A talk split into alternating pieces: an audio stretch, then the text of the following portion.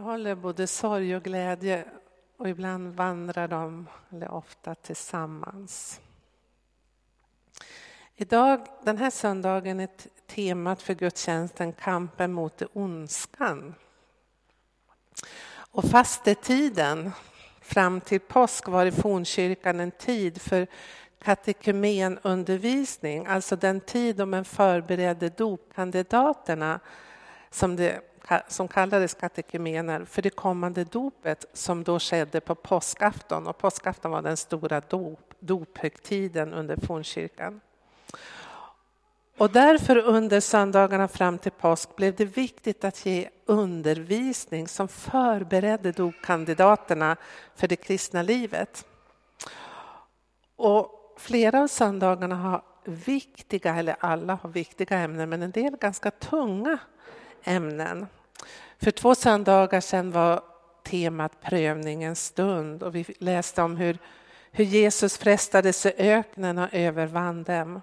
Och förra söndagen handlade om den kämpande tron, om att hålla fast vid Guds nåd i prövningar och lidande. Och den här söndagen är temat kampen mot ondskan.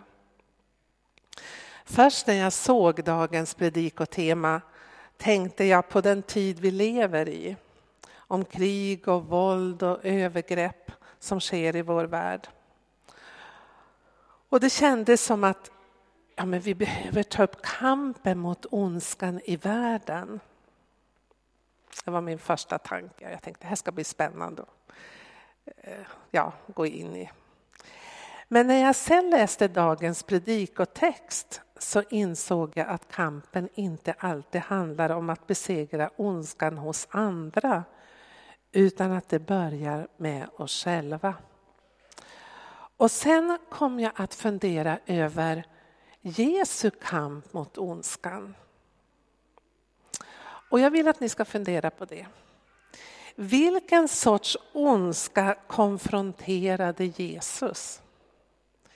Vilket fokus hade Jesus? Om ni Rekapitulera det ni själva känner till om evangelierna och berättelserna. Vilken sorts ondska konfronterade Jesus? När vi läser i evangelierna så ser vi att förväntningarna på Jesus som Messias var att han skulle leda kampen mot Roms grymma ockupation. Vi vet också att de skriftlärda och fariseerna väntade på Messias och de väntade att Messias skulle komma för att straffa alla syndare och belöna de rättfärdiga, det som troget höll lagens bud. Men gjorde Jesus det? Nej. Jesus startade inget befrielsekrig mot romarna och de hårdaste striderna och den hårdaste orden riktade han till de skriftlärda och fariseerna. Han menade att de, han sa till dem, ni lägger hårda och tunga bördor på människors axlar. Tvärt de förväntningar som då fanns så visade Jesus istället kärlek, omsorg mot de utstötta. Inte mot de rättfärdiga. Mot de utstötta, mot syndarna, mot de som ansågs orena och mot tullindrivarna som samarbetade med ockupationsmakten. Så förfärligt. Och till slut så avväpnade hans ondskans makter genom att själv ta på sig all världens synd i sin egen kropp och dö på korset för att försona hela världen med sig själv. Med Jesus som förebild kan vi ställa oss frågan, på vilket sätt ska vi kämpa mot ondskan? Var sker kampen? Vad är vår kallelse? Och med de här frågorna så vill jag att vi ska läsa dagens predikotext. Och då tänkte jag att ni skulle få stå upp igen, för ni kommer få sitta en stund till. Det är bara bra. Vi läser ifrån Markus evangeliet 5 och vers 24. Mycket folk följde efter, alltså Jesus, och trängde sig in på honom. Där fanns en kvinna som hade lidit av blödningar i tolv år. Hon hade varit hos många läkare och fått utstå mycket. Det hade kostat henne allt hon ägde, men ingenting hade hjälpt. Snarare hade hon blivit sämre. Hon hade hört vad som berättades om Jesus och nu kom hon bakifrån i hopen och rörde vid hans mantel. För hon tänkte att om, om hon bara fick röra vid hans kläder så skulle hon bli hjälpt. Och genast stannade blodflödet och hon kände i kroppen att hon hade blivit botad från det onda. När Jesus märkte att det hade gått ut kraft från honom vände han sig om i hopen och frågade Vem rörde vid mina kläder? Det här är intressant att han säger det. Lärjungarna sade Du ser väl hur mycket folk som tränger på, ändå frågar du vem som har rört vid dig. Han såg sig omkring efter henne som hade gjort det. Kvinnan som visste vad som hade hänt med henne kom rädd och darrande fram och föll ner för honom och talade om hur det var. Han sa till henne, min dotter, din tro har hjälpt dig. Gå i frid, du är botad från ditt onda. Varsågod och sitt. I Nya testamentet så finns det fyra evangelier, Matteus, Markus, Lukas och Johannes, som alla berättar om Jesu liv, död och uppståndelse. Det är var och en skrivna till en speciell målgrupp. Och man kan säga att det är fyra olika vittnesbörd som ger fyra olika perspektiv och som kompletterar varandra. de är olika långa. Markus evangeliet är eh, kortast. Och inte alla berättelser och inte samma berättelse finns med i alla evangelierna. Självklart. Men denna berättelse om kvinnan som blir botad från blödningar finns med i tre evangelier och det är intressant. De tar en ganska stor del. Både Matteus, Markus och Lukas. Att, att dessa tre evangelister väljer att ta med den här berättelsen visar att de tyckte att den här berättelsen var viktig. När vi läser Johannes evangeliet, om ni läser igenom det när ni kommer hem, så ska ni se att i sista versen så säger Johannes att han har valt ut vilka under han berättar om. Han berättar bara om sju av undren som Jesus gjorde. Och han berättar med dem med speciellt syfte. Och han säger att inte ens alla böcker i världen skulle rymma om jag skulle berätta om alla under som Jesus gjorde. Och det är klart, på den tiden hade man ett annat sätt att skriva böcker idag. Så skrivs det ju enormt mycket böcker. Men i varje fall, han vill betona att han, precis som de andra evangelisterna, välje, väl, valde ut vilka under de berättade. Och de berättar särskilt om de under som pekar bortom själva undret. Som som säger någonting viktigt om vem Jesus är och säger någonting viktigt om den kristna tron. Och pekar bortom sig själva. Och då kan vi då ställa frågan, varför var denna berättelse om kvinnan som lidit av blödningar i tolv år så viktiga? Så viktig så att alla tre, eller tre av evangelisterna har den med. Ja, för att förstå det så måste vi sätta oss in i den judiska kultur i vilken Jesus levde och vad det innebar för en kvinna att ha blödningar. Enligt judisk fromhet var en kvinna med blödningar oren. Och alla som rörde vid henne blev oren i sju dagar. Den som också rörde vid henne, alltså rörde henne fysiskt men också rörde vid något klädplagg som hon hade haft på sig blev oren. Och det här kan vi läsa om i tredje Mosebok. Jag ska läsa till. I tredje Mosebok, det femtonde kapitlet och vers 19. Där står det så här. När en kvinna har menstruation och det kommer blod från hennes kropp varar orenheten i sju dagar. Den som rör vid henne är oren till kvällen. Ursäkta, som rör vid henne är bara oren till kvällen, inte i sju dagar som jag sa. Allt som hon ligger på medan hon har sin menstruation blir orent och allt hon sitter på blir orent. Den som rör vid hennes bädd ska tvätta sina kläder och orent till kvällen. Den som rör vid något som hon har suttit på ska tvätta sina kläder och bada och vara oren till kvällen. Och så vidare. Och så vers 25. Om en kvinna har blödning som varar flera dagar utan att det är hennes menstruation, eller om menstruationen varar onormalt länge, är hon oren så länge blödningarna pågår, liksom hon är det vid menstruationen. Och allt hon ligger på under sin blödning blir som det hon ligger på under menstruationen. Alltså allt blir orent som kvinnan har på sig och man blir oren om man rör vid henne. Jesus talar flera gånger om de äldste stadgar. Ni som är hemma i evangelierna känner igen det. Och troligtvis så syftade Jesus just på de muntliga traditionerna som, som var rabbinernas tolkning av lagen. Och den muntliga traditionen var levande under Jesu tid och man förde den vidare, den alla olika rabbiners tolkning av lagen och till exempel det här budet också. Och det man hade gjort med det här budet var det att man hade utsträckt tiden till sju dagar till. Efter det att kvinnan hade slutat blöda så var hon oren ytterligare sju dagar.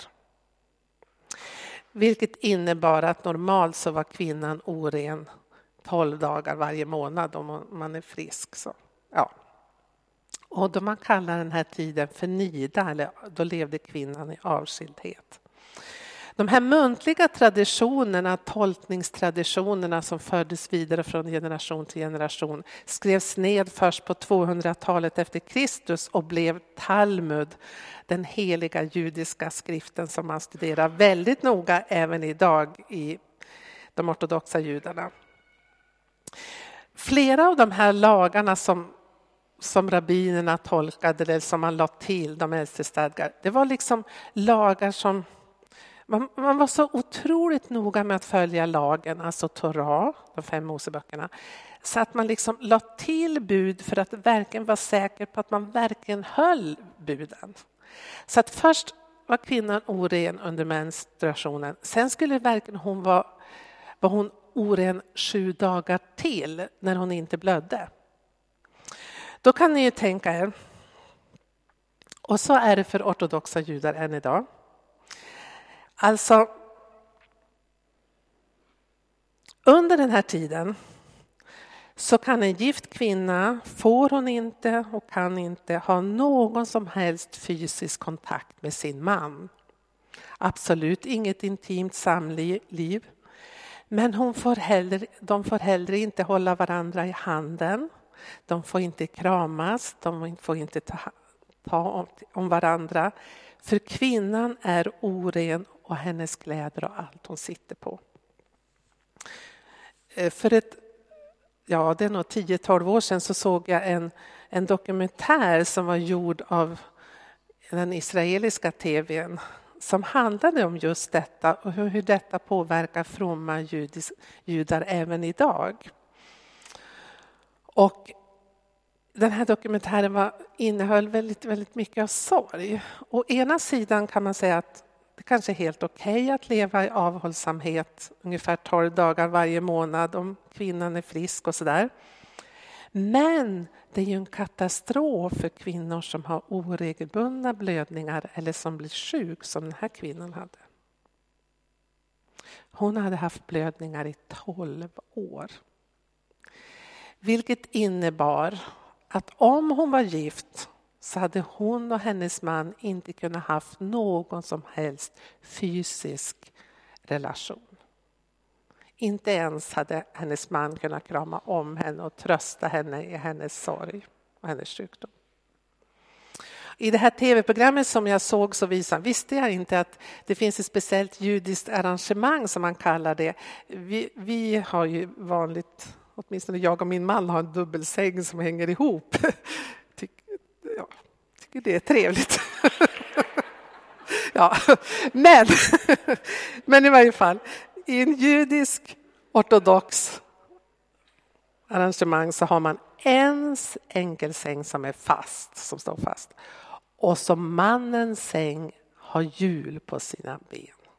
Och under den tid så kvinnan är oren så drar man isär sängarna för att absolut inte av misstag ens råka röra vid varandra.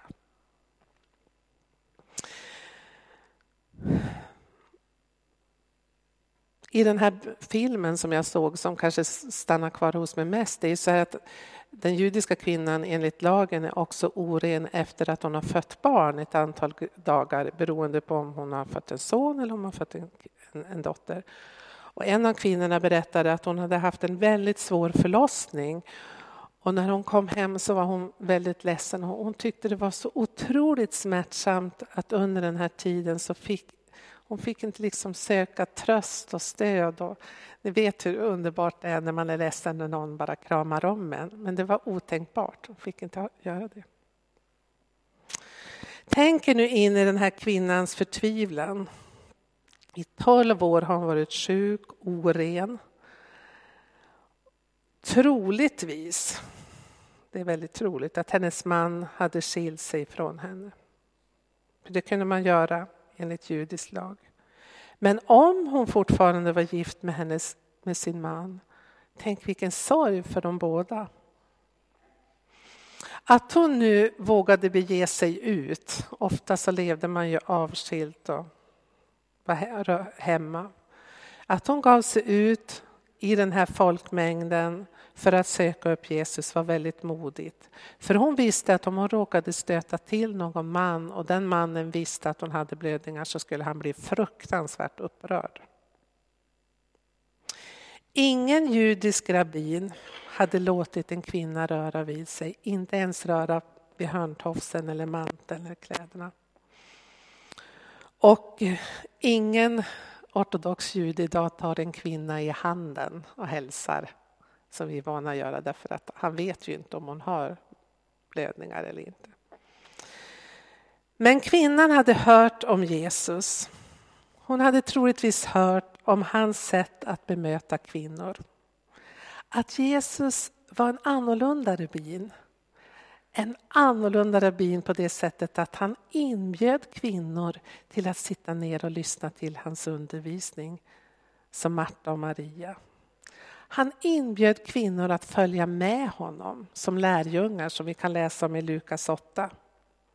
Och han lät till och med orena kvinnan, kvinnor som kvinnan i Simons hus, synderskan som kommer in och tvättar hans fötter med sina tårar. Han lät till och med orena kvinnor röra honom. De här berättelserna och också alla de berättelser hon hörd, hade hört troligtvis som Jesus hade gjort under gav henne hopp. Hopp om att bli mottagen och inte bortstött. Ja, hopp om att bli helad. Och hon hade en väldigt stark tro. För hon tänkte om jag bara får röra vid Jesu manteltofs längst ut så kommer helande kraftet att gå ut från honom. Men man skulle kunna lyfta att kvinnan, hon var verkligen fantastisk. Tänk vilken tro hon hade, en förebild för oss alla. Men det mest anmärkningsvärda i berättelsen är ändå Jesu reaktion om man ser utifrån den judiska kontexten eller sammanhanget. Han märker att kraft utgår från honom och kallar kvinnan till sig. Och som ni la märke till att kvinnan kommer fram och hon är rädd. Hon darrar av rädsla. Varför gör hon det? Jo, hon vet att hon har gjort någonting som hon inte får göra som oren kvinna. Hon får inte röra vid en man.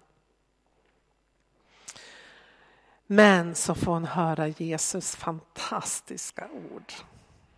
Till upprättelse, till helande, till bekännelse. Jesus säger, min dotter, din tro har hjälpt dig, gå i frid, du är botad från det onda. Jesus här bryter ett tabu att röra vid en så kallad oren kvinna.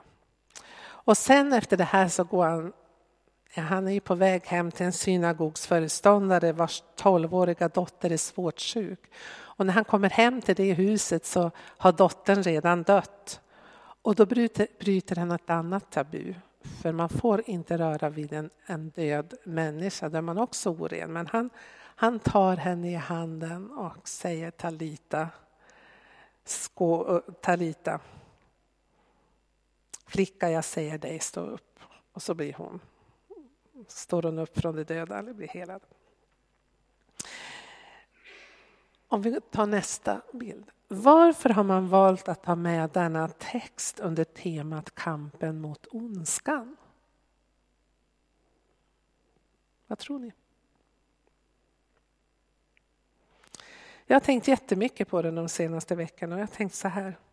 Ondska är att stöta ut människor ur gemenskap och benämna dem som orena. Ondska är att skambelägga människor. Tänk att i tolv år, jag kanske ett helt liv leva med stämpeln på sig. Jag är oren. Ingen kan röra vid mig utan att bli oren. Jesus bryter mot många av de regler som de skriftlärda och fromma judarna hade satt upp. En del regler hade de med stöd från Gamla testamentet men en del regler hade de lagt till. Han umgicks med tullindrivare, helt otänkbart för en from jude. Han till och med åt tillsammans med dem. Och han var inte främmande för att besöka så kallade hedningarnas hem, som officeren som hade en sjuktjänare. Han inbjöd kvinnor att följa honom, han lät orena kvinnor röra vid honom och så vidare. Då till oss. Med Jesus som förebild på vilket sätt ska vi, du och jag, bekämpa ondskan? Var sker kampen? Vad är vår kallelse? Ja, jag tror att vi måste göra som Jesus säger, först och främst se bjälken i vårt eget öga innan vi kan ta bort grandet i vår nästa. Alltså se vår egen ondska. Och om du och jag vill följa Jesus i kampen mot onda så behöver vi ställa oss frågan vilka människor i vår omgivning bär på tunga bördor, är nedtryckta? Vilka behöver få höra kärlekens budskap från Gud till helande och upprättelse? Eller som jag skriver här, vilka människor i vår omgivning är fyllda av skam och behöver upprättelse? Vilka traditioner, seder och bruk håller vi fast vid som binder och förtrycker människor? Jag ger inga svar, ni får var och en fundera själv. Jag tror att kampen mot det onda börjar med vår egen kärlekslöshet och vana att döma andra. Och utmaningen är att vi istället lämnar domen åt Herren och att vi visar på Guds barmhärtighet och kärlek. Som vi också sjöng i den här sången. Gud är helig, men hans nåd är öppen famn. Låt oss be. Herre, tala till våra hjärtan. Tala till oss vad vi var och en, där vi står i våra liv, med våra föreställningar och att vi har så lätt att döma andra människor på olika sätt, Herre. Vi lever inte i, i samma situation som den här kvinnan, men vi har våra fördomar och, mot andra människor. Herre, jag ber att vi ska kunna se vad vi behöver förändra oss för att bli mer kärleksfulla, barmhärtiga och nådiga som du. Jag ber om det. I Jesu namn. Amen.